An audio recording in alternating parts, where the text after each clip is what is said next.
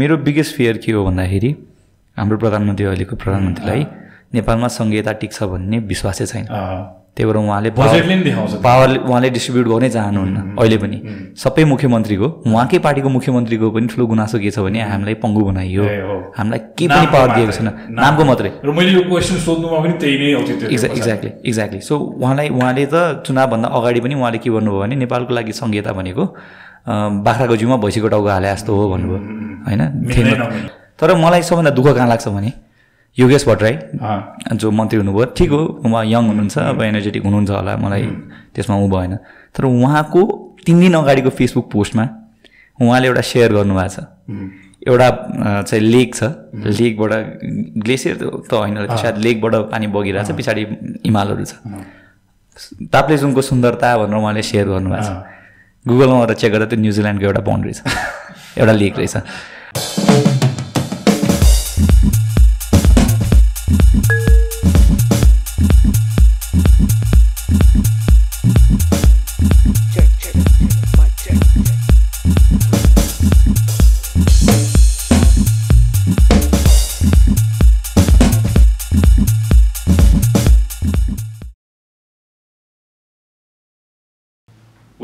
Yet another episode of मेरो दुई पैसा। पोलिटिक्स भन्न साथै हाम्रो दिमागमा अनेक थरी कुरा आउँछन् र mostly they are negative but I have invited a guest here today who probably so this a little bit of hope in the future of Nepali politics my guest today is Sachin Timalsina all right it's good to say welcome back Sachin Sachin मेरो फेरि introduction गर्दाखेरि चाहिँ एउटा number उन्तिसको अर्को एउटा उभर्ता सितारा भाइ र मैले अगाडि तिमी आउनु अगाडि एउटा इन्ट्रो पनि गरेको थिएँ जुनमा चाहिँ मैले I called you hope so एउटा कहाँबाट यो कन्भर्सेसन स्टार्ट गर्छु भने लिडरसिपको रोल मोडल्स चाहिँ त्यति धेरै हाम्रो पोलिटिकल स्पेक्ट्रममा देख्न पाइँदैन। अब मैले पनि धेरै अध्ययन चाहिँ गरेको छुइनँ तर मलाई चाहिँ एउटा के फिल लाग्छ भने नेपाली पोलिटिक्सलाई बुझ्न बिपी को हो र नेपाली युवाले बिपी को हो किन बुझ्नुपर्छ? What is your thought on that Sachin? I think दाइ it's an amazing question first of होइन? किन भन्दाखेरि I been talking about BP lot of late तपाईँले मेरो सोसियल मिडियामा एक्ज्याक्टली सो नेपालको modern day history after the Rana regime या भनौँ न राणा रिजिमको अन्त्यतिर जहाँ चाहिँ बिपी कोइरालाले सशस्त्र द्वन्द्व सुरु गरेर त्यसपछि नेपाली कङ्ग्रेसले उसको अगुवाईमा चाहिँ नेपालमा पहिलोचोटि प्र- प्रजातन्त्र लिएर आयो। त्यो प्रोसेसमा चाहिँ बिपी कोइराला चाहिँ was the lead of that whole revolution त्यो रेभोल्युसन आफैमा अहिलेको रेभोल्युसनभन्दा धेरै पृथक धेरै फरक थियो। किन भन्दाखेरि अहिले नै नेपाली समाज त्यति पढे लेखेको समाज छैन। अहिले पनि। हाम्रो पढाइको लेभल अझै त्यो लेभलमा पुगिसकेको छैन र बेसिक एजुकेसन बेसिक एजुकेसन त छोडिदिउँ। भनौँ इन्टेलेक्टहरूको कुरा सुन्यो भने पनि वर्ल्ड पोलिटिक्स एकतिर छ हाम्रो इन्टेलेक्टहरू यु यु डोन्ट नो के के कुरा गरेर आउँछन् होइन? त्यो बेलाको समाजमा आउट अफ नोवेयर विराटनगरबाट एउटा कोइराला परिवारको छोरो होइन उहाँको बुवा पनि रे रेबल हुनुहुन्थ्यो। उहाँले स्टार्ट गर्नुभयो तर बिपीले त्यसलाई जुन नेक्स्ट लेभलमा लिएर जानुभयो। र त्यो बेलाको नेपाल जहाँ चाहिँ अहिले नै नेपाल भनौँ न धेरै विकसित छैन भनेपछि त्यो बेलाको समाज हामी परिकल्पना गर्न सक्छौँ। त्यतिखेरको कानुन। त्यति त्यतिखेरको कानुन त्यति बेलाको विचार त्यति बेलाको मान्छेको ज्ञान सबैलाई चिर्दै पूर्व मेचीदेखि पश्चिम महाकाली पैदल यात्रा गरेर नेपालमा हरेक गाउँमा यो देशमा अब प्रजातन्त्र चाहिन्छ भनेर स्थापित गर्न सक्ने एउटा फ्यान्टास्टिक अर्गनाइजरको रूपमा म बिपीलाई हेर्छु. लिडर अर्गनाइजर त्यो मात्र नभएर बिपी चाहिँ मेरो लागि के भन्दाखेरि उहाँको साहित्य मार्फत पनि म जति उहाँलाई बुझ्छु। आई थिङ्क उहाँ एउटा नेचुरल ह्युमन बिङ हो। जसले आफ्नो आदर्श बाँचेर पनि नेपाली राजनीतिमा अवर हुन सफ- सफल हुनुभयो। स्पेसली यो कालखण्डमा जब रियलिस्टिक पोलिटिक्सको कुरा हुन्छ। र आइडियोलोजी चाहिँ इम्पोर्टेन्ट होइन भन्ने खालको विचार चाहिँ बढ्दै गइरहेको छ यहाँ। होइन? Who cares what the ideology is it's work that matters भन्ने। वर्क चाहिँ आइडियोलोजी ड्रिभन हुन्छ। वर्क आफैमा कहिले पनि पोलिटिकल वर्क भनेको आइडियोलोजीबाट पृथक कहिले पनि रहन सक्दैन। र बिपी चाहिँ आफ्नो आदर्शलाई मानिकन पनि आफ्नो आदर्शलाई मानिकन पनि जुन रिजल्ट्स पनि दिएको। रिजल्ट्स पनि दिन सफल। र जिन्दगीभर आफ्नो आदर्श बाँचेर नेपालमा कम्तीमा प्रजातन्त्र चाहिँ नेपालको लागि अपरिहार्य हो भनेर स्थापित गरेर जानुभयो यो देशबाट। त्यही भएर बिपीलाई चाहिँ हामीले त्यो हिसाबमा बुझ्नुपर्छ। त्यो बाहेक चाहिँ मलाई बिपीको सबैभन्दा अर्को मनपर्ने पक्ष भनेको उहाँले आफ्नो कस्तो खालको एउटा पर्सनालिटी थियो बिपीको भन्दाखेरि उहाँको राजनीतिक विचार र उहाँको साहित्यिक विचार। एकअर्कासँग तपाईँ जोडिएको पाउनुहुन्न। ओके होइन एउटा मान्छेको थट प्रोसेसले त उसको हरेक क्रिएटिभिटीमा पनि असर गर्छ नि त। तर उहाँको राजनीतिक विचार तपाईँले हेर्नुभयो भने त्यसले चाहिँ उहाँको साहित्यिक विचारलाई पनि अफेक्ट गरेको देखिँदैन कि। उहाँको छुट्टै पर्सनालिटी देख्न सकिन्छ भनेपछि was very talented is well so म चाहिँ बिपीलाई यसरी हेर्छु। ग्रेट र किन नेपाली युथले चाहिँ अलिकति यो विषयलाई नजरअन्दाज गरे जस्तो पनि लाग्छ मलाई अरू पनि त्यस्तो धेरै त्यो लेभलको पोलिटिसियन लिडर हामीले धेरै पाएनौँ पनि जस्तो लाग्छ। तर एउटा डेफिनेटली तिमीले भने जस्तो नेसनल लेभलको लिडर जनताको नेता जननेता भनौँ। नेता मात्रै नभन्दाखेरि। त्यो कारणले चाहिँ अब त्यो दुई हजार सात सालको परिप्रेक्ष्यमा हेर्दाखेरि पनि एउटा वेल एजुकेटेड तिमीले भने जस्तै ट्यालेन्टेड मान्छे। हामीले के सिक लिन सक्छौँ त? लाइक युथले अध्ययन गर्न किन जरुरी छ? अहिले आई आई गेस अहिलेको युथलाई मैले कुनै वेस्टर्न कुनै एउटा पर्सनालिटीको बारेमा सोधेँ भने सायद बेसी भन्न सक्छ हाम्रो because I believe that those who do not know their history will not never create history so. के चिज चाहिँ हामीले एकदम सिक्नुपर्छ उहाँबाट जस्तो लाग्छ? लिडरसिपको कुरा हेर्दाखेरि चाहिँ। बिपीबाट सिक्नु त धेरै कुरा सकिन्छ तर मैले अघि भने जस्तै उहाँको उहाँको पर्पस थियो नि। His purpose was very clear उहाँले कस्तो खालको देश चाहेको हो त्यो एकदम क्लियर थियो। अहिले तपाईँ हेर्नुहुन्छ भने इभन यङ्स्टर्सहरू पनि जब पोलिटिक्समा आउँछन् they do not know why they are into politics हो होइन पोलिटिक्सलाई चाहिँ आएर चाहिँ एउटा प्रोफेसन बनाउन थालियो भने. Then will be an endless job without a purpose तर if you see बिपीको life span his. Purpose was pretty clear. मलाई यो देशबाट राणा शासन हटाउनु छ प्रजातन्त्र स्थापना गर्नु छ समाजवादका अ, समाजवादका पक्षहरूलाई मलाई स्थापित गर्नु छ जस्तै एउटा लाइन थियो नि समाजवादको विषयमा। हरेक घरमा एउटा गाई होस् उहाँको उहाँले समाजवादलाई सायद सबैभन्दा सिम्पल तरिकाले डिफाइन गरिदिनु भएको छ। हरेक नेपालीको एउटा घर होस्। दुहुनो गाई होस्। केटाकेटी स्कुल जान पाउन् र ओखती मुलो गर्न पाउन् नेपालको परिप्रेक्ष्यमा समाजवाद भनेको यही हो भनेर उहाँले विडम्बना कस्तो त त्यसो आज पनि त्यही नै छ फेरि एक्ज्याक्टली यही नै छ। त्यही नै छ। एक्ज्याक्टली यही नै छ। So you can you can imagine कति कति दूरदर्शी हुनुहुन्थ्यो उहाँ। हो हो हो। हजुर। मैले अस्ति ट्राभल गर्दा नि क्षितिजलाई गाडीमा चाहिँ बिपी हाइवेमा थियौँ। बिपीको कुरा निक्ल्यो। मैले चाहिँ धेरै कुरा थाहा नभए पनि यो लाइन चाहिँ was stuck in my head because बिजनेसमा पनि हामीले चाहिँ पिचिङ गर्दाखेरि चाहिँ try and summarise what you trying to say or your mission vision in one line भन्ने एउटा जुन पाठ पढाउँछौँ हामीले मैले नि पढेँ त्यो पाठ it was such a beautiful way of just telling what Nepal needs at that point of time र अमेजिङ चाहिँ के लाग्छ भने साठी वर्षपछि नि हाम्रो निड त्यही नै देखिन्छ। Exactly. अलिकति अगाडि बढेँ है। अब मैले नेपाली पोलिटिकल स्पेक्ट्रम हेर्दाखेरि चाहिँ अब बितेका कुरा बिते होइन कस्तो के के भयो सबैको एउटा क्युमुलेटिभ सङ्घर्षले कहीँ त हामी पुग्यौँ। अस्ति संविधान आयो होइन दुई चार वर्ष अगाडि। अब त्यो जेनेरेसनले ल्याइदिने हामीलाई यहाँसम्म काम चाहिँ गरे जस्तो लाग्छ मलाई। अब यहाँबाट ट्रान्जिसन हुने फेजमा छौँ जस्तो पनि फिल हुन्छ कि हामी एउटा नयाँ आयामतिर लागिरहेछौँ तर मलाई के एउटा फिल हुन्छ भने तर त्यहाँ लिडरसिप भ्याक्युम जस्तो लाग्छ। किनभने एउटा. एन्टायर जेनेरेसन अफ नेपाली चाहिँ यहाँ छैन होइन? हजुर। म पनि यो प्रकाश किन गर्न जरुरी छ जस्तो लाग्छ भने मैले केही यस्तो कुरा पाइ बाहिर आफ्नो साथीभाइसँग गर्दाखेरि चाहिँ people won't don't want to engage with this kind of topic के? अरू कुरा गरौँ होइन? हामीसँग अरू एम्बिसन्सहरू छ तर हामीले नै विचार नगर्दै जब कि तिमीले भने जस्तै BP was from a good family educated त्यस्तै मान्छेले गर्ने हो नि त लिडरसिप होइन? जोसँग क्षमता छ। तर त्यो क्षमता भएका एक पुरै वर्ग एउटा जेनेरेसन नै गायब छ। सो अब भोलिको दिनमा त्यो लिडरसिपको रोल खेल्ने एउटा भ्याक्युम देखिन्छ। सो मेरो क्वेसन चाहिँ यो नेक्स्ट जेनेरेसन अफ लिडरसिप चाहिँ बिल्ड भइरहेछ कि छैन? तिम्रो नजरबाट कसरी देख्छौ? तिमी देख्छु रञ्जना रन्जु देख्छु मेबी अब्दुसले पनि कोसिस गर्दै होला। थोरै चाहिँ देखिन्छ तर जुन गाउँ गाउँबाट आउनुपर्ने एक एकवटा आजको दिनमा त एटलिस्ट एक्सपोजरको हिसाबले पढाइको हिसाबले युथ त वेल एजुकेटेडै छ। तर उसको होराइजन खुलेको छैन। How do you see this vacuum like leadership exactly म यो नेरेटिभ धेरै ठाउँमा दिएर आउँछु I I exactly believe in this नेपालको मोडर्न डे हिस्ट्रीको तपाईँ कुरा गर्नुहुन्छ भने नेपालले हरेक कालखण्डमा एउटा इन्फ्लुएन्सियल लिडर पाएको छ। बिपी कोइराला हुनुहुन्थ्यो। त्यसपछि चाहिँ तपाईँको महेन्द्र शाहलाई तपाईँ मान्नुहोस् नमान्नुहोस्. होइन उहाँको आइडियोलोजी मान्नुहोस् नमान्नुहोस् तर he was a very influential leader त्यसपछि पनि राजा वीरेन्द्रलाई पनि मान्नुहोस् नमान्नुहोस्।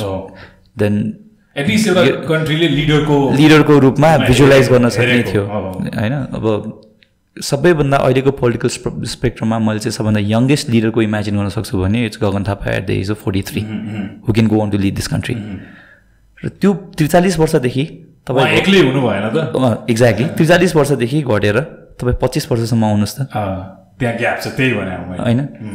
बिङ भेरी अनेस्ट र अर्को कुरा के भन्दाखेरि चाहिँ मलाई यङ्स्टर्सहरूमा आश त छ नै। स्वाभाविक पनि हो। तर मलाई डिसपोइन्टमेन्ट पनि के छ भने हामीले इनफ तयारी गरेको छौँ। हामीले त्यति त्यो लेभलको सेक्रिफाइसेसहरू गरेको छौँ। होइन हामी बुढो जेनेरेसनहरूलाई त धेरै क्वेसन गर्छौँ। उहाँहरूको सर्ट कमिङ्सहरू छ। बिचरा उहाँहरूले तर त्याग पनि छ। त्याग पनि छ। उहाँले जहिले सुरु गर्नुभयो त्यो सुरु गरेको पोइन्ट र अहिलेको पोइन्टसम्म आइपुग्दाखेरि संसार कति परिवर्तन भइसक्यो। उहाँले त्यो क्याचअप गर्न सक्नु भएन। तर उहाँहरूको परिवेश फरक थियो। तर हामीलाई त एउटा एक्सेसमा सबै नलेज छ सबै भनौँ न इन्टरनेट हातमा छ सबै छ। तर हामीले त्यति अध्ययन गऱ्यौँ। हामीले त्यति मेहनत गऱ्यौँ। त्यो हामीले आफैलाई सोध्नुपर्ने क्वेसन हो। किनभने मैले देखेको एन्टायर एक जेनेरेसनमा एउटा पनि भनौँ न एउटा चाहिँ आशलाग्दो नेता नदेखिनु अहिलेसम्म। त्यो डरलाग्दो त्यो काली लाग्दो विषय हो। होइन म ट्वेन्टी फाइभदेखि फोर्टी थ्रीसम्म। मलाई पिर लाग्छ यो एक्ज्याक्टली सो हामीले अस्ति पनि कुरा गरेको थियौँ र यो चाहिँ मेरो बिगेस्ट फेयर हो। तर अब कहिलेकाहीँ घटनाहरूले पनि नेता जन्माउने गर्छन्। होइन सायद त्यस्तो घटना हुन बाँकी हो कि या के हो त्यो मलाई थाहा भएन। तर अध्ययन चाहिँ हाम्रो युवा अवस्थाहरूमा निकै नै मैले कम रहेको पाउँछु। कम्तीमा पहिलेको भनौँ न स्थापित नेताहरू उहाँहरू जेल बस्नुहुन्थ्यो। दर्शन पढ्नुहुन्थ्यो यहाँ पढ्नुहुन्थ्यो। तर अहिले त हामी त्यो पनि भइदिएनौँ कि। अनि त्यो पनि नभइदिएपछि अब हामी के हेर्छौँ भने सुपरफिसियली वर्ल्डलाई हेर्छौँ। पोलिटिक्स गर्न आउनेहरू पनि अब म के नेगेटिभ भेट्छु जुन मलाई एकदम दुःख लाग्छ भन्दाखेरि धेरैले भने सुनेको छु। यो ideology is not important result is important result is important China कम्युनिजमले बन्यो इन्डिया डेमोक्रेसीले बन्यो क्यापिटलिजमले अमेरिका बन्यो सोसियलिजमले चाहिँ स्क्यान्डिनेभियन कन्ट्रिज बन्यो नेपालमा जे भन्यो हुन्छ विच इज भेरी रङ त्यो भन्नुको अर्थ के हो भन्दाखेरि तपाईँले नेपाल बुझ्नु भएको छैन तपाईँले हाम्रो परम्परा बुझ्नु भएको छैन तपाईँले हाम्रो कल्चर बुझ्नु भएको छैन हाम्रो चाहिँ नि तपाईँको इतिहास। इतिहास बुझ्नु भएको छैन हाम्रो चाहिँ डेमोग्राफी कस्तो छ हाम्रो चाहिँ डाइभर्सिटी कुन लेभलको छ त्यो सबै बुझ्ने बित्तिकै युल गेट टु अन्डरस्ट्यान्ड कि होइन हाम्रो डेमोक्रेसी चाहिन्छ। होइन हाम्रो हिस्ट्री बुझ्ने बित्तिकै। तर यो लेभलको अन्डरस्ट्यान्डिङ पनि नआएको देख्दाखेरि चाहिँ मलाई सायद हाम्रो पढाइमा हामी यङ्स्टर्सहरूको मेहनतमा धेरै नै कमी छ जस्तो मलाई लाग्छ। आई थिङ्क एउटा एजुकेसन सिस्टमको पनि फ्ल होला यो किनभने म युएसमा कलेज पढ्दा पढ्दै आधा दुई वर्ष साढे दुई वर्षको पढाइ सकिसकेपछि मात्रै मैले थाहा पाएँ कि economics sociology politics world history art यस्ता सब्जेक्ट पनि हुँदो रहेछन्। हामीलाई खालि बिजनेस साइन्स अथवा नसक्नेले चाहिँ अरू जे पाए त्यही पढ्ने भन्ने। आई थिङ्क र फेरि अब आर्ट्स र पोलिटिक्सको ब्याकग्राउन्डमा एउटा आउने मान्छे पनि अब नर्मली हाई पर्सेन्टेज नलिएर आएको मान्छेले मात्रै त्यो सब्जेक्ट पढिदिने। अथवा विद्यार्थी पोलिटिक्स पनि त्यस्तै भयो होइन? आई थिङ्क एजुकेसनमा त्यो डेफिनेटली कमी भयो हाम्रो कि। एउटा अरू अहिलेको सिचुएसन हेरौँ न तिमीले यो भन्दाखेरि चाहिँ मलाई के पनि दिमागमा आउँछ भने म नै एटिन भएदेखि अलिकति त्यो थोरै फिल चाहिँ हुन थालेको थियो होइन? माओवादीको एकदमै ठुलो यो क्रान्ति राइजमा थियो होइन? कलेजेसमा हाम्रो एक्जाम भइरहेको थिएन। जस पोलिटिकल चिजले हाम्रो डे टु डे लाइफमा ठुलो इम्प्याक्ट गरिरहेको थियो। सो त्यतिखेर चाहिँ तिमीले भने जस्तो त्यो पिभिटल चेन्ज चाहिँ मैले म सोच्थेँ कि माओवादीले लिएर आउँछ अब। किनभने अरू त केही लागेन यो देशमा होइन? अरू पोलिटिकल पार्टीले गर्न नै सकेन मौका नै पाएको। Maybe this is the change that we are seeking भनेर। तर still it doesn't seem like that pivotal change has come हामी फेरि त्यही नै छौँ होइन. त्यस्तै सिचुएसनमै छौँ। मुभिङ अ लिटल फरवर्ड त्यसो भए कि त एउटा युथले अब नेपालमाले चाहिँ हामीले भन्यो कि त्यो अभोइड के अरे भोइड चाहिँ छ अभाव छ। कोही पोलिटिक्समा आउन चाहन्छ भने चाहिँ एउटा युवाले आफ्नो पोलिटिकल करियर र छवि साथ स्वच्छ राखेर क्लिन राखेर कसरी अगाडि बढ्न एडभाइस गर्छ तिमीले चाहिँ? पोसिबल छ कि छैन? एक. क्षितिजमा चाहिँ के कुरा गरिरहेको थियो भने सायद त्यो मान्छे राम्रै भएर आयो भने पनि त्यो वातावरणले नै त्यसलाई बिगार्छ भन्ने छ। यो क्षितिजको नि क्वेसन हो। अब यस्तो हुन्छ। अब I have heard this from a lot of people but I think यो राइटियसनेस भनेको चाहिँ यो के भन्छ भन्दाखेरि हरेक चिजमा कम्पेयर गरेर हुन्छ होइन? त्यो होलियर देन दाउ एप्रोच भन्ने छ। अब त्यो त्यसरी सोच्यो भने चाहिँ पोलिटिक्समा गाह्रो पर्छ। मैले कसरी एडभाइस गर्छु भन्दाखेरि चाहिँ पहिले पढ्नु पऱ्यो आइडियोलोजी होइन सबै आइडियोलोजी पढ्नु पऱ्यो एकचोटि पर्सनल पोलिटिकल कम्पासिङ गर्नु पऱ्यो मेरो विचार के छ? होइन? म कोसँग कनेक्ट म कोसँग कनेक्ट हुन्छु। For instance if you believe कि नेपालमा चाहिँ राजै चाहिन्छ फर इन्स्टेन्स लाग्न सक्छ। That's that's your freedom and and I respect it नेपालमा राजै चाहिन्छ जस्तो तपाईँलाई लाग्छ भने you do not choose a communist party you go to Raprapa होइन? तपाईँलाई लाग्छ डेमोक्रेसी चाहिन्छ पार्लिमेन्ट्री डेमोक्रेसी चाहिन्छ नेपालमा? इन्डिभिजुअल फ्रिडम चाहिन्छ प्र- प्रणित गौतम जस्तो। कोही पनि चाहिँ युट्युबमा भिडियो निकालेकै भरमा नपक्रियोस् भन्ने चाहनुहुन्छ भने तपाईँ नेपाली कङ्ग्रेस आउनु। त्यसको ग्यारेन्टी हामी दिन्छौँ। होइन.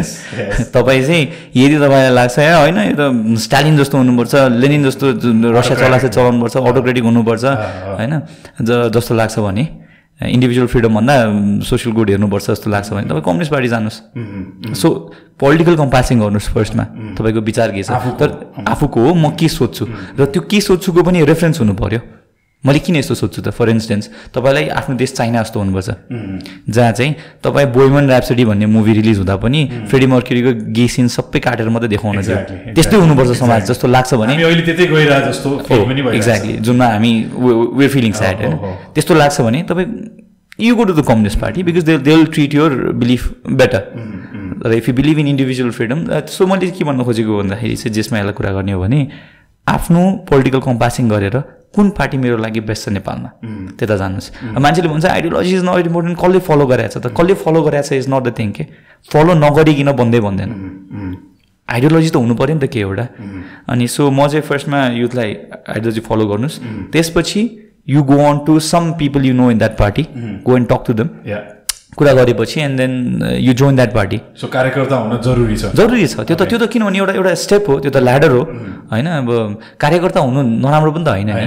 होइन इट्स भेरी नेचुरल एउटा पार्टीले कार्य एउटा पार्टीमा कार्यकर्ता पनि हुन्छ हाइरार्की हुन्छ। From there you learn you get to learn governance कसरी गर्नेदेखि लिएर पार्टी कसरी सञ्चालन हुन्छदेखि लिएर त्यो सबै कुरा त इम्पोर्टेन्ट हो। सो साँच्चीकै पोलिटिक्समा छिर्न मन छ भने चाहिँ बाहिर बसेर you can be a philosopher तर if you want to be a politician you will have to come in to the pond to clean it okay okay so एउटा त्यहाँ ल्याएर जोड्दाखेरि चाहिँ एउटा कुरा के दिमागमा आयो भने यहाँ चाहिँ विचारले आफू ड्रिभन हुने भन्दा नि आफ्नो फ्यामिली कल्चरमा. अलरेडी एक्जिस्टिङ नर्म्सहरू छ Exactly. त्यसले चाहिँ ड्राइभ गर्ने जस्तो exactly. हाम्रो बुवाको विचारसँग मेरो विचार मिल्दैन भने मैले विरोध आवाज राख्न सकेँ भने न त्यहाँ एउटा. Dialogue create Exactly. यहाँ चाहिँ अलिकति त्यो मेन्टालिटी कि because my father my family my surrounding is अलिकति incline towards a certain party मैले यस यो राम्रो छ कि छैन? त्यसलाई एउटा निष्पक्ष रूपमा बाहिर निक्लेर हेरेर Exactly. अनि डिसिजन लिँदाखेरि चाहिँ राम्रो हुन्छ। एक्ज्याक्टली त। अब जस्तै भनौँ न यसले गर्दाखेरि कन्फ्युजन कहाँनिर आइदियो भन्दाखेरि हाम्रो पोलिटिकल पार्टिजहरूमा डिफ्रेन्सेसै भेट्न गाह्रो भइसक्यो अब। एउटा एउटा एउटा लाल सलाम कमरेड भन्ने मान्छे त्यो भनेको आधा घन्टामा मन्दिर गएर टिका लगाएर जय शम्भु भनेर फोटो हाल्छ। होइन? So it makes no sense at all भनेको मतलब के हो भन्दाखेरि एटलिस्ट कम्युनिजमले के भन्न खोज्या हो त? एसेन्स के हो त्यसको?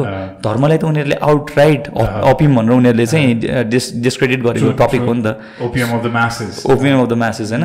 त्यो बाहेक अब त्यो त छोडिदिनुहोस् न। मैले केसम्म देखाएको छु भन्दाखेरि कम्युनिस्ट पार्टीको क्याडर मेरो छोराको बिहे गर्नुपर्ने उपाध्याय बाहुन चाहिन्छ भनेको सुनेको छु मैले। Now Pretty amazing. That's what I'm saying so so त्यो मात्र होइन अब। एक्ज्याक्टली अब अब मे भन्न मेरै पार्टीमा जुन पार्टीको म कार्यकर्ता हो मेरै पार्टीमा पनि छ।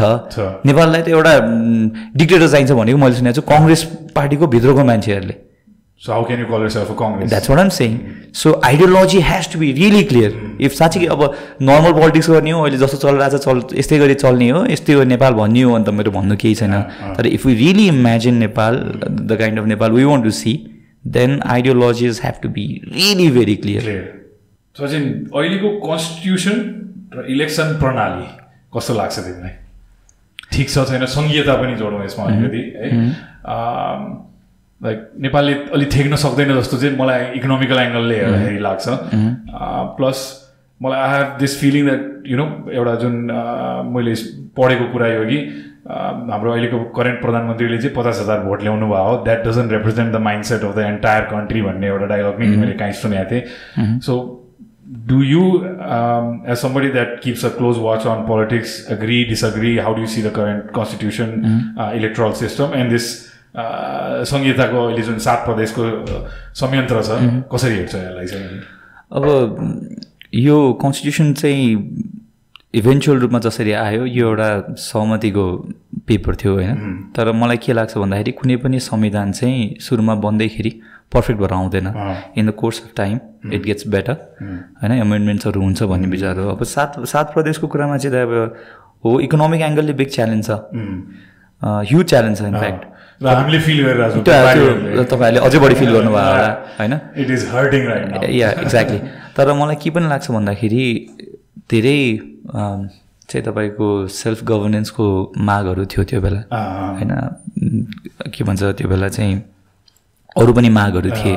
जातीय कुराहरू, थियो रिप्रेजेन्टेसनको कुराहरू थियो होइन सबै कुराहरू थियो। त्यसले गर्दाखेरि संहितामा त जानै पर्ने नै अवस्था थियो। जानै नै पर्ने अवस्था थियो। अब म इकोनोमिक एक्सपर्ट होइन भन्नलाई कि थेक्न सक्छ या कतिले थेक्न सक्छ सक्दैन भनेर त्यो मलाई कम्प्लिट आइडिया त भएन। तर हामी संहितामा नगइ नहुने अवस्था थियो। र अब हामी देशलाई अगाडि बढाउनलाई। त्यो बाहेक हामीसँग विकल्प पनि थिएन। र सात प्रदेशको कुरा आई डोन्ट थिङ्क साइन्टिफिक पनि छ। तर मलाई यो पनि लाग्दैन कि हामीले साँच्चीकै चाहने हो भने यसलाई म्यानेज गरेर लान सक्दैनौँ भन्ने मलाई त्यो- पनि छैन। आई थिङ्क साँच्चीकै अहिले हामीले चाहिँ एक्सपर्ट्सहरू लगाएर भनौँ न अहिलेदेखि नै प्रपर पोलिसी बनाएर जाने हो भने Nepal can can sustain seven states जस्तो लाग्छ मलाई. अहिले पनि because there there are so many resources that we can tap in होइन? अब अहिले त इनिसियल फेज पनि छ. It'd be too harsh and government if I say कि होइन अहिलेदेखि यो भएन त्यो भएन किनभने यो त फर्स्ट ट्राई हो नि त हाम्रो। मैले क्रिटिसिजम गरे पनि एटलिस्ट समय त दिउँ। इम्प्लिमेन्ट गर्नु एक्ज्याक्टली एक्ज्याक्टली सो हामी त भर्खर दुई वर्ष त भयो हामीले संहिता गरेको। त्यही भएर यो संविधानको विषयमा मलाई के छ भने दाइ कतिवटा कुरा होला मलाई म डिसएग्री गर्ने।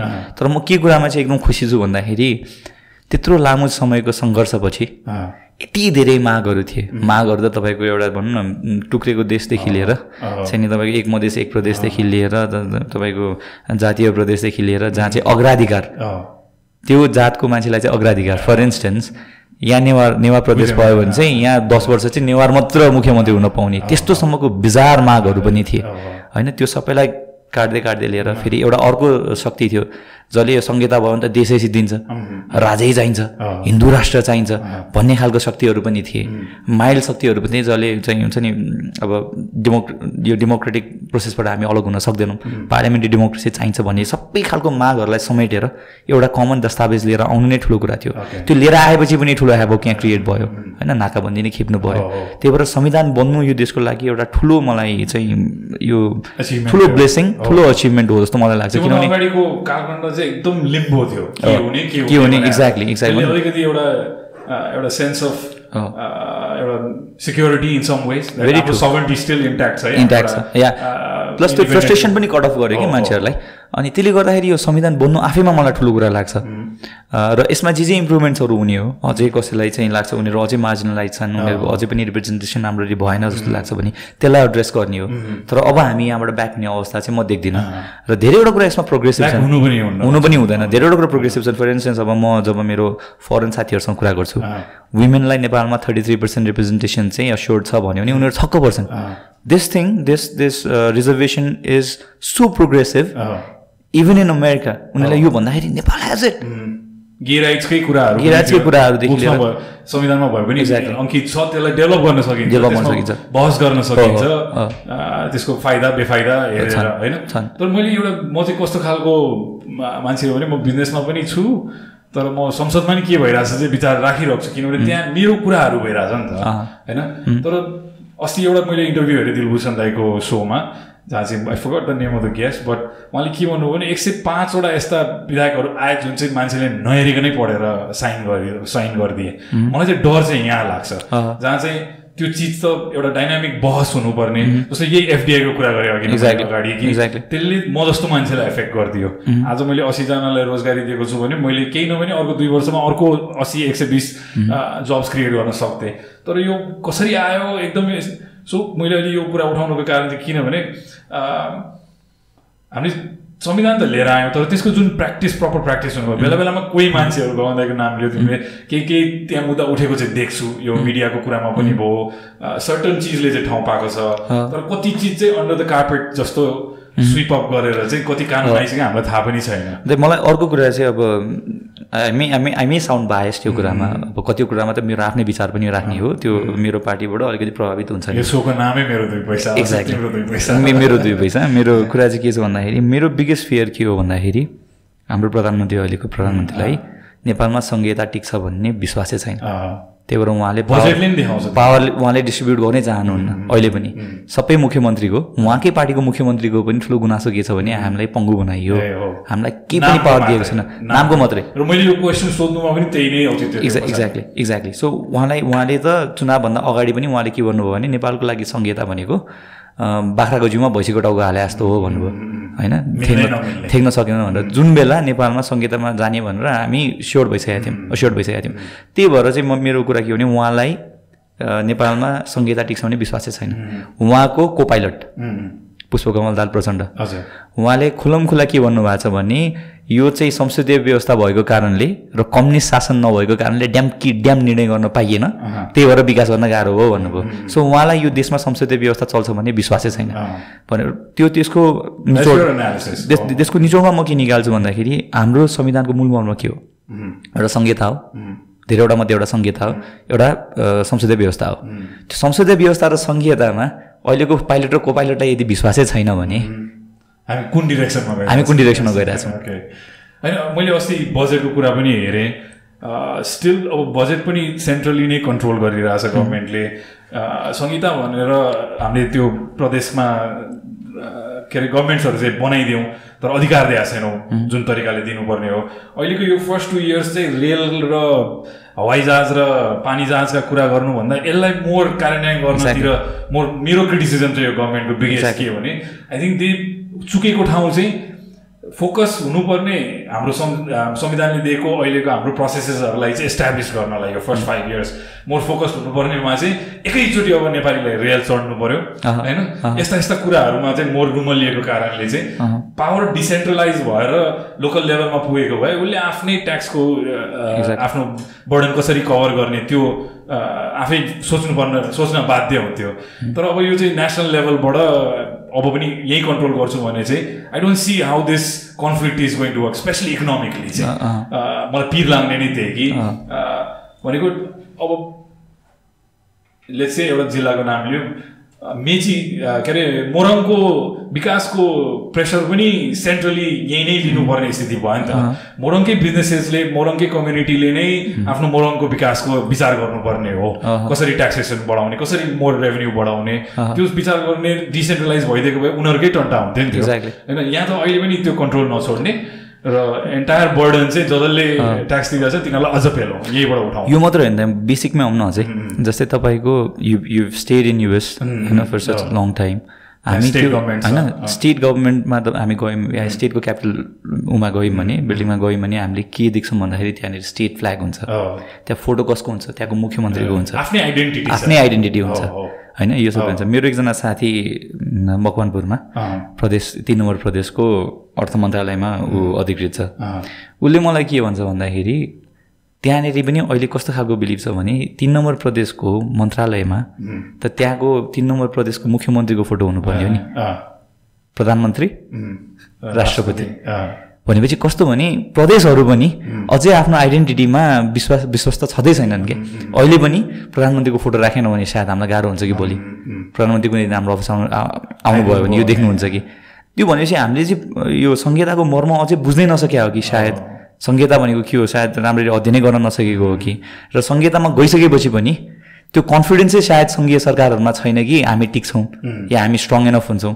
केन्द्रले जे भन्यो त्यही मान्नुपर्ने हाम्रो बाध्यता रहँदैन के केही विषयमा बाहेक भन्ने कुराको अन्डरस्ट्यान्डिङ अहिलेसम्म पनि मलाई भइसकेको जस्तो लाग्दैन। तिमीले सुरुमा भन्यो नि चाइनामा यो काम लाग्यो त्यही भएर यो यसरी। सो भाइ नेपाली समाज नेपाली अर्थतन्त्र नेपाली विचार भावना नबुझिकन चाहिँ यो कपी पेस्ट सिस्टम ल्याएर यहाँ राख्न खोज्दाखेरि चाहिँ मिसम्याच भएको जस्तो। होइन यसलाई कार्यान्वयन गर्न नसकेको जस्तो देखिन्छ। So this is probably the biggest challenge जस्तो लाग्छ अब यो गभर्मेन्टलाई यो गभर्मेन्टको चाहिँ अहिले जुन अब चाहिँ पाँच वर्षै रह्यो भने पनि यो चाहिँ यो गभर्मेन्टको मेन फोकस हुनुपर्छ जस्तो लाग्छ मलाई चाहिँ। कि यो जुन हामीले संयन्त्र जस आइ जसो तसो आयो. यसलाई हामीले फङ्सनल बनाउनै. होइन र यसको इम्प्याक्ट चाहिँ ग्रासरुट लेभलसम्म मान्छेले. फिल गर्ने हो भने चाहिँ the state governments need to work तिमीले भने जस्तै अमेरिकाको एउटा पुलिस सेम हुँदैन होइन? आफ्नै स्टेट फ्ल्याग हुन्छ। ट्याक्सेसन सिस्टम अलग्गै अलग छ. होइन? हरू different हुन्छ। एक्ज्याक्टली सो उसले आफूलाई के फिट हुन्छ यहाँको के छ यहाँको प्रडक्सन के छ त्यो हेरेर डिसिजनहरू लिने. पोलिसिज बनाउने हो। यहाँ चाहिँ अब त्यो अझ डिस्ट्रिब्युट भएको देखिँदैन। डिसेन्ट्रलाइज म के भन्छु डेमोक्रेसीमा चाहिँ वेल्थ डिसेन्ट्रलाइज हुनुपर्छ डेमोक्रेटाइज हुनुपर्छ। ग्रासरुट लेभलले अनि मात्रै त्यसको इम्प्याक्ट फिल गर्न सक्छ.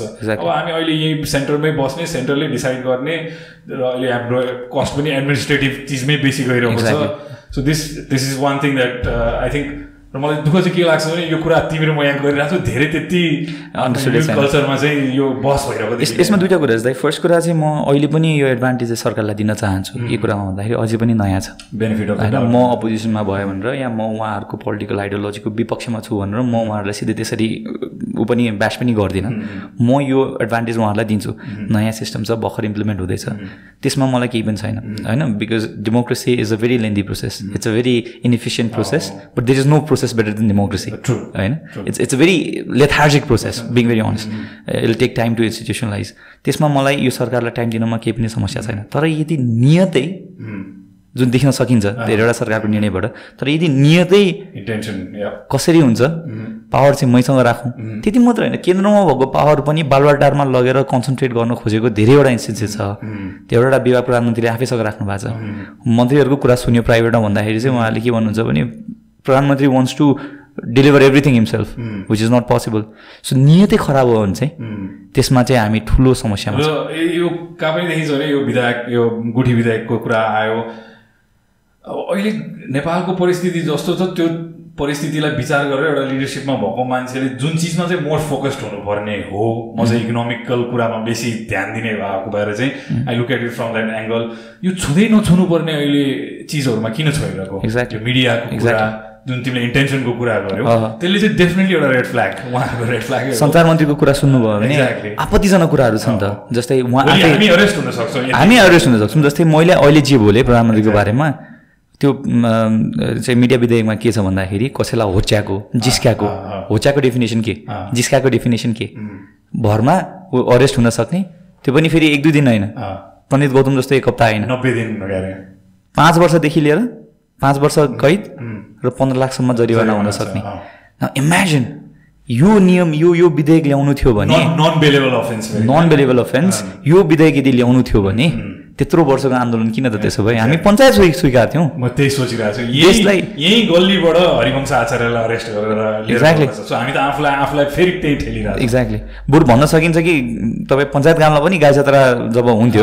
त्यो बेला त राजाको विरु- विरुद्ध बोलिरहेको हुन्थे होइन? भनेपछि कस्तो भयो भन्दाखेरि उहाँहरू चाहिँ सायद अब इन्केपेबल हुनुभयो धेरै ठाउँमा।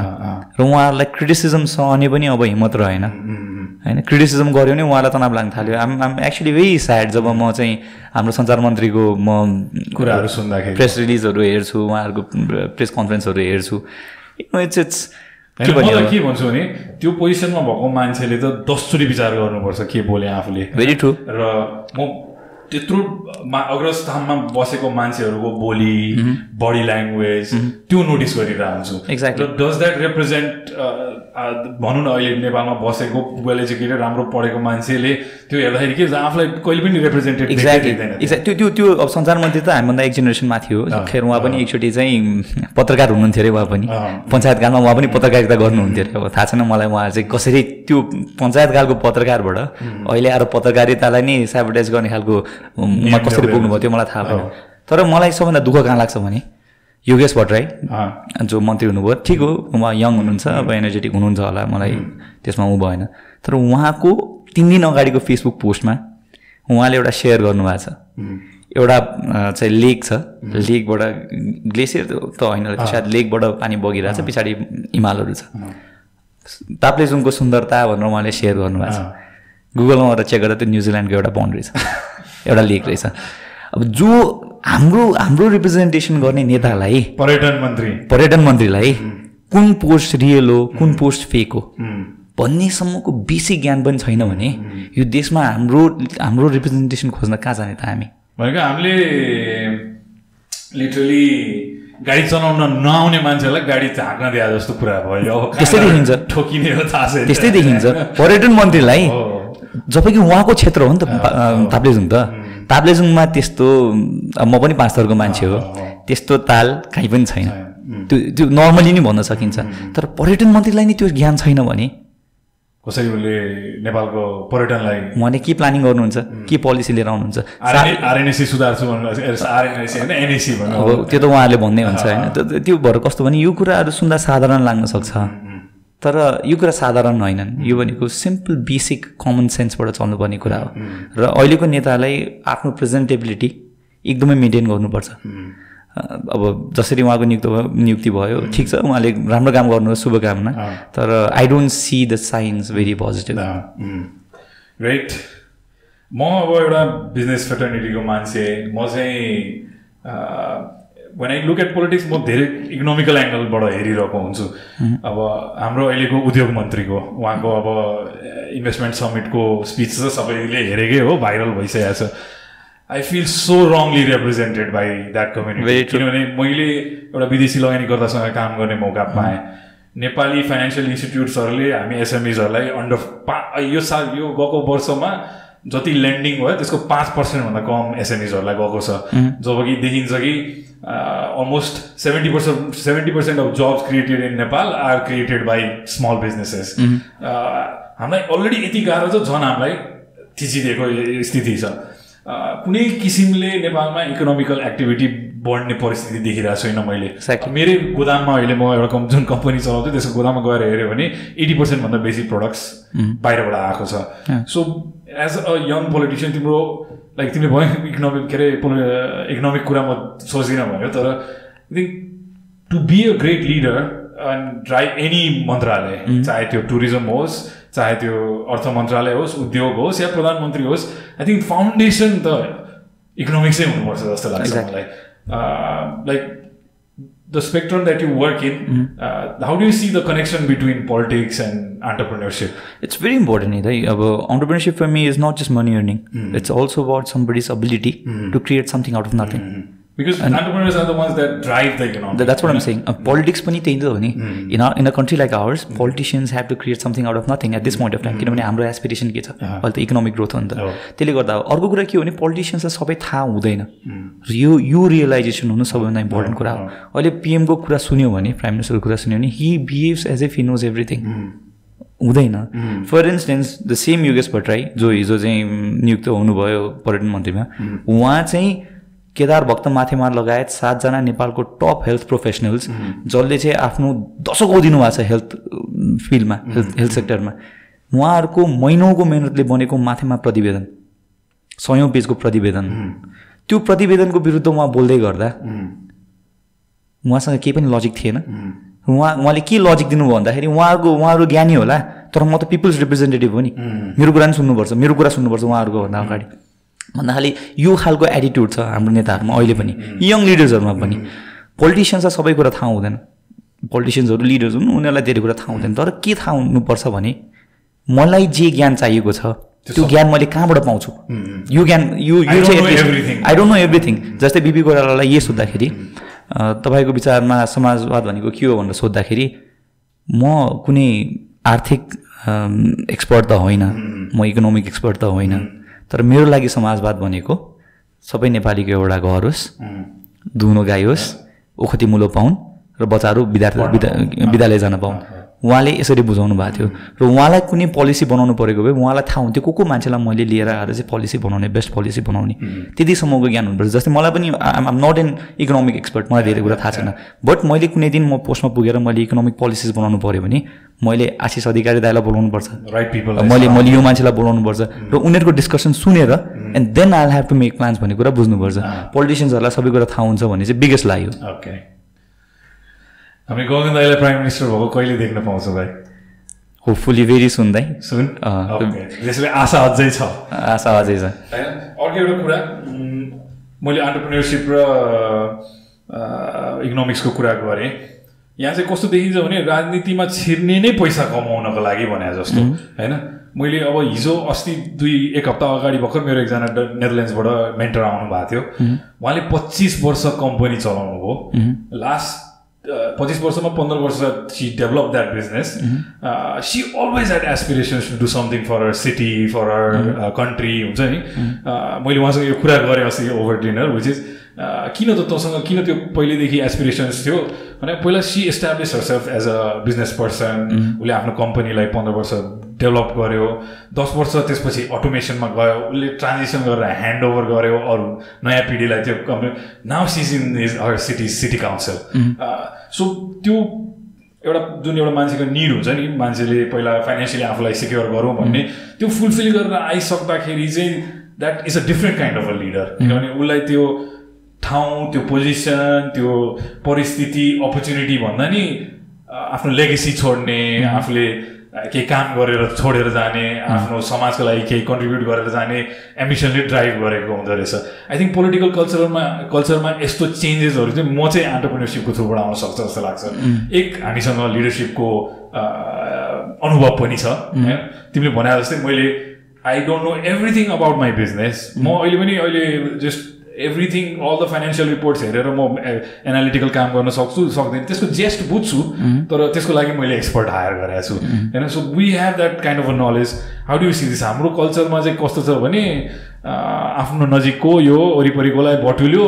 अनि नेता बन्यो नट बिकज उसको तिमीले सुरुमा भने जस्तो आइडियोलोजी राम्रो छ उसले केही गरेको प्रमाण छ पहिला उसको टेक्निकल ब्याकग्राउन्ड छ। उसको उद्योग मन्त्रीले त्यो प्लेटफर्ममा बोल्दाखेरि आई वाज एम्ब्यारेस्ड किनभने त्यो त्यो प्रोग्राम त मेरो इन्भेस्टरले हेरिरहेको छ। उसले यति फ्रस्ट्रेसन ममा भयो कि यहाँ आएर मैले एक दिन भडास निकालेर एक दिन पहिलोचोटि ऱ्यान्ड गरेर त्यसरी मैले भिडियो बनाएँ। त्यो चिज उहाँसम्म पुग्यो विदेशमा पनि पुग्यो। अब त्यसले के देखिन्छ त? अब उहाँले पनि हामीलाई लेख्दाखेरि चाहिँ आइएम स्याड द्याट तिमीहरू यस्तो बनाना रिपब्लिकमा बस्छौ जुन देशमा चाहिँ आफूले त पैसा जेनेरेट गर्न सक् सक्दैन सक्दैन। हामी दिन्छु हेल्प गर्छु भन्दा नि लिँदैन। अथवा ल्याउन दिँदैन। सो आई फिल द्याट एउटा उद्योग मन्त्री त एउटा उद्योगी नै हुँदा राम्रो होला। किनभने त्यो उद्योग सञ्चालन कसरी हुन्छ इकोनोमिक्स कसरी चल्छ त्यो बुझेको मान्छे। So how do see like मैले यसमा चाहिँ दाइ मेरो अलिकति डिफ्रेन्ट पर्सपेक्टिभ यसमा चाहिँ आइड अगेन ठिक सम वर्ड्स पनि बिपी कोइराला उहाँले के भन्नुभएको छ भन्दाखेरि मानिस जतिसुकै विद्वान होस् जतिसुकै कार्य निपुण किन नहोस् तर उसको यदि जरा जनतामाझ गाडिएको छैन भने ऊ कहिले पनि सफल राजनेता हुन सक्दैन।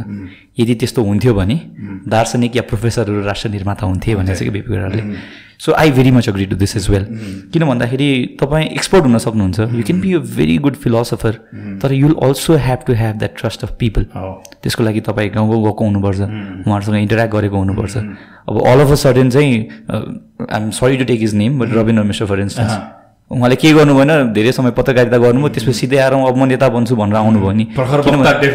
हुनुहुन्छ। उहाँ होइन। तर उहाँ अहि- अहिले पनि गाउँमा जानुभयो भने उहाँको एक्सेप्टेन्स त्यो लेभलमा हुँदैन। किनभने उहाँ सक्नुहुन्न उहाँले। त्यही नै भएको छ अहिले अब। काठमाडौँ एक बाहेक उहाँ अरू ठाउँमा लड्नु भयो त्यति क्लोज पनि आउनुहुन्न थियो। That I'm very sure about होइन। सो त्यसले गर्दाखेरि दुइटै हुनुपर्छ दाइ। जस्तै माधव यादव जसको कुरा गर्नुभयो तपाईँले हाम्रो चाहिँ मन्त्रीज्यू। उहाँ ग्रास रुटबाटै आएको उहाँ ग्रासरुटबाटै आएको उहाँ लडेर आएको तर कस्तो भने उहाँको माथिसम्म आइपुग्दाखेरि उहाँको प्रपर अन्डरस्ट्यान्डिङ आएन। होइन? त्यही मान्छेले यदि मलाई चाहिँ अङ्ग्रेजी धेरै राम्ररी आउँदैन तर तर confidently। तर मेरो शब्द यी हुन्। यसलाई अङ्ग्रेजीमा अनुवाद गरेर। तपाईँ भनिदिनुहोस्। भनेर सचिवलाई या कसैलाई लगाइदिएको भए यो इस्यु आउँदैन थियो। एउटा के भन्ने एउटा उहाँसँग विवेक थियो कि। आफ्नो कमजोरीलाई पनि एक्सेप्ट गर्न सक्छ. मलाई आउँदैन इङ्ग्लिस सबैले बोल्नु पर्दैन एक्ज्याक्टली तर उहाँले त्यहाँ त्यो एउटा यस्तो गोल्डन अपर्च्युनिटी थियो त्यो गुमाइदिनु गुमाइदिनु हामीलाई। भयो भेरी ट्रु अब जस्तै मोदी हेर्नुहोस् न Narendra Modi.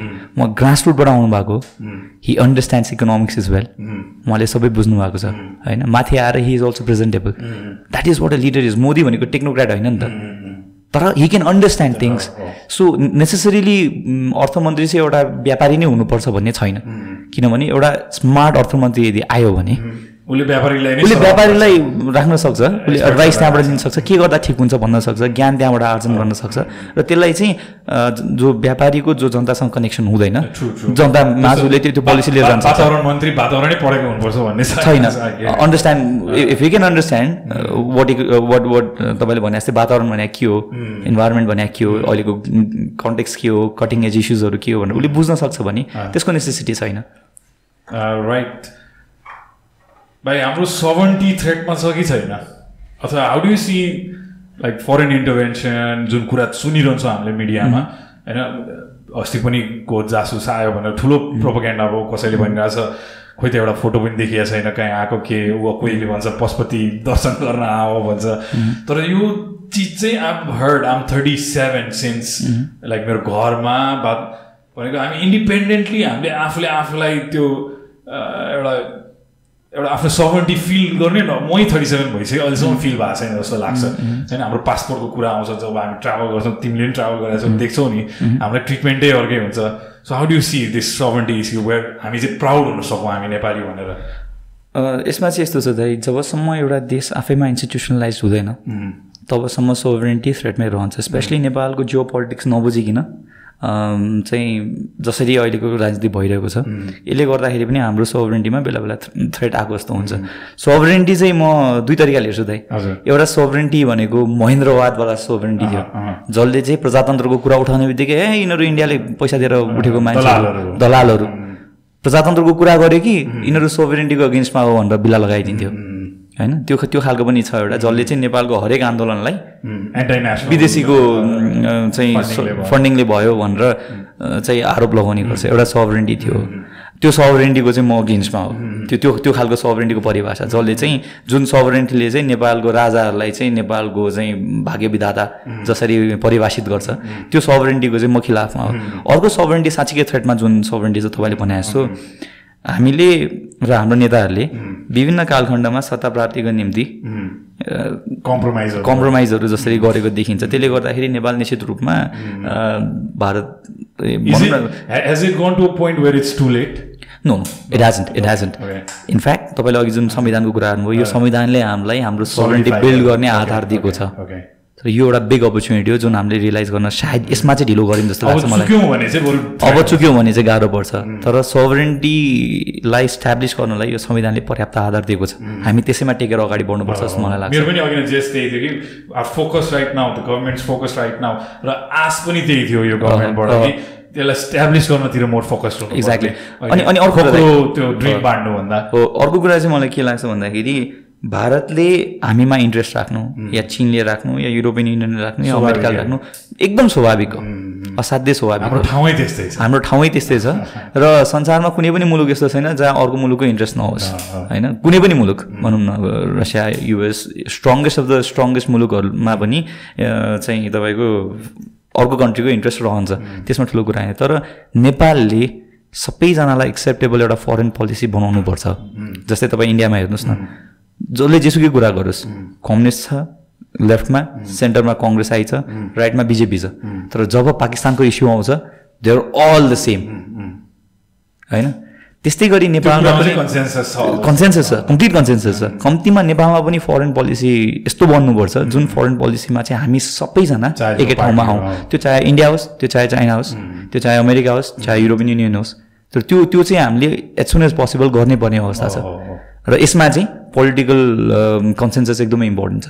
Right interesting okay मलाई यो म, भाइहरूले पनि ब्रेन स्टम गर्दाखेरि दिएको क्वेसन चाहिँ moving towards the end of the podcast also अब तिमी यो एस्पेक्टमा लागिसक्यौ होइन? सायद अर्को वर्षौँको सङ्घर्ष होला यसमा होइन? आफू कहीँ पुग्छु र केही इम्प्याक्ट गर्छु भन्ने नि सोच होला।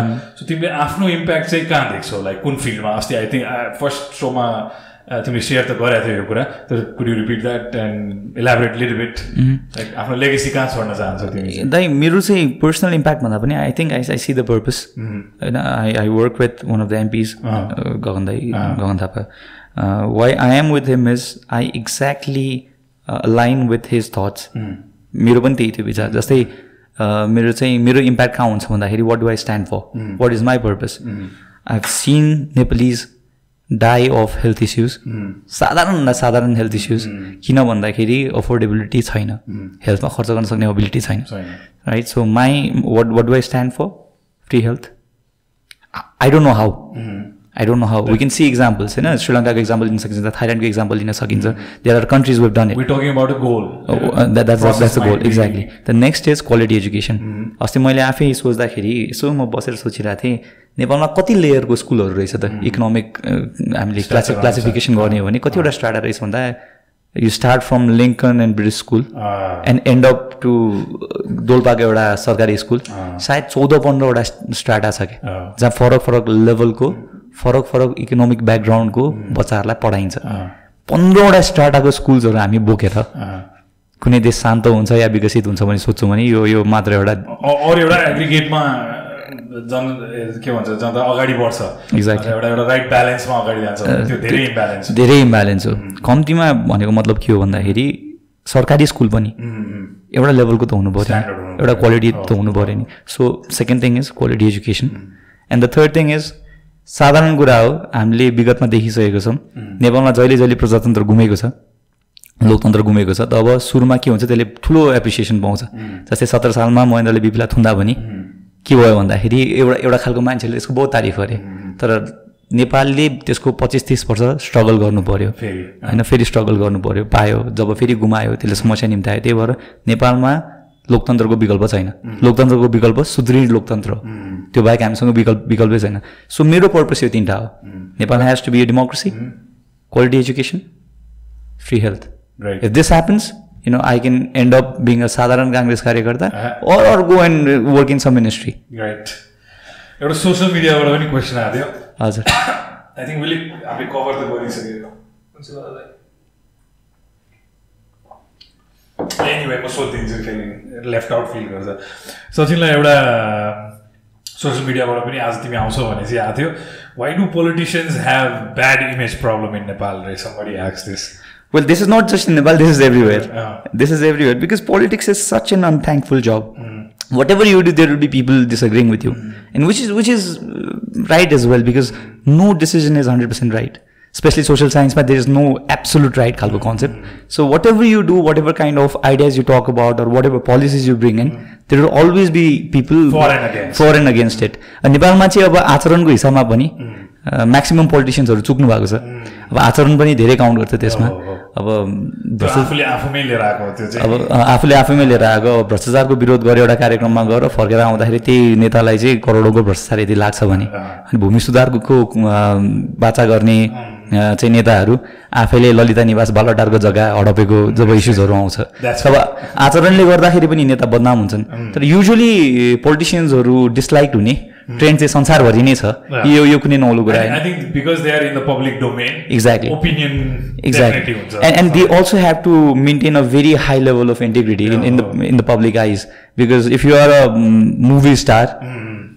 people won't care Yeah. for instance who cares uh, if, if sanjay dutt was in drugs or or you you see the recent instagram video of karan johar त्यही स्टोरी बेचेर उसले अँ। मुभी बनायो मैले गएर सात बनायो। exactly but imagine a politician being drugged he will lose his career so expectation पनि एकदमै हाई हुन्छ एन्ड हाम्रो जस्तो देशमा चाहिँ अझै बढी हुनुको कारण चाहिँ उहाँहरूको आचरण हो जुन बिग्रेको छ तर समयसँगै सायद सुध्रेर जाला अर्को जेनेरेसनमा यो जेनेरेसन चाहिँ म पोसिबल देख्दिनँ great I bring the podcast to the end I think एउटा मेसेज चाहिँ मलाई के फिल लाग्छ भने uh, म युथमा चाहिँ यो कुराहरू हामीले अहिले सचिन र म छिरेको कुराहरू डिस्कस भइरहेको देख्दिनँ। किन र यही चिजहरू चाहिँ हामीलाई इम्प्याक्ट गर्ने रुल्स रेगुलेसन्स लजहरू बन्दैछ। इफ नथिङ एल्स हामी पब्लिक डोमेनमा आएर केही कुराहरू यसको विषयमा राख्नुपर्छ। चाहे त्यो राइटतिरको ओपिनियनमा होस् लेफ्टतिरको ओपिनियनमा होस् जे होस् तर वाट इज ओपिनियनै छैन। एक्ज्याक्टली अनि अनेस्टी पनि दाइ जस्तै see I am very vocal in my social media I criticize anybody if if I feel it's wrong and many people feel that it's unnecessary you can be balance I think everybody has to be honest with their ideology र यो कुरामा चाहिँ I'm very criticize as well but but that's that's how I am होइन? त्यही भएर I think it's very important to honestly articulate what you believe in के Okay. होइन it. or I, I di- dislike this person because of this. I dislike this ideology because of this. अनि त्यो त्यो opinion जुन राख्न सक्ने ability चाहिँ हामीमा धेरै कम रहेछ क्या। एक्ज्याक्टली अनि फेरि। क्रिटिसिजम लिन सक्ने पनि त हाम्रो कल्चर छैन नि त जस्तै फर इन्स्टेन्स अब सानैदेखि हामीलाई बुवा आमालाई क्वेसन गऱ्यो भने मुखुमै लाग्छस् होइन? भन्ने खालको ट्रेन्डदेखि नै हामी आएको हुन्छौँ। But now it's very important specially for the youth to speak up. होइन? रङलाई त रङ भन्न सक्नु पऱ्यो नि नत्र पढेको के काम? Otherwise, change कहाँबाट आउँछ चेन्ज कहाँबाट आउँछ Exactly. Exactly Thank you, Sachin. Thank you दाइ This is प्लेजर pleasure.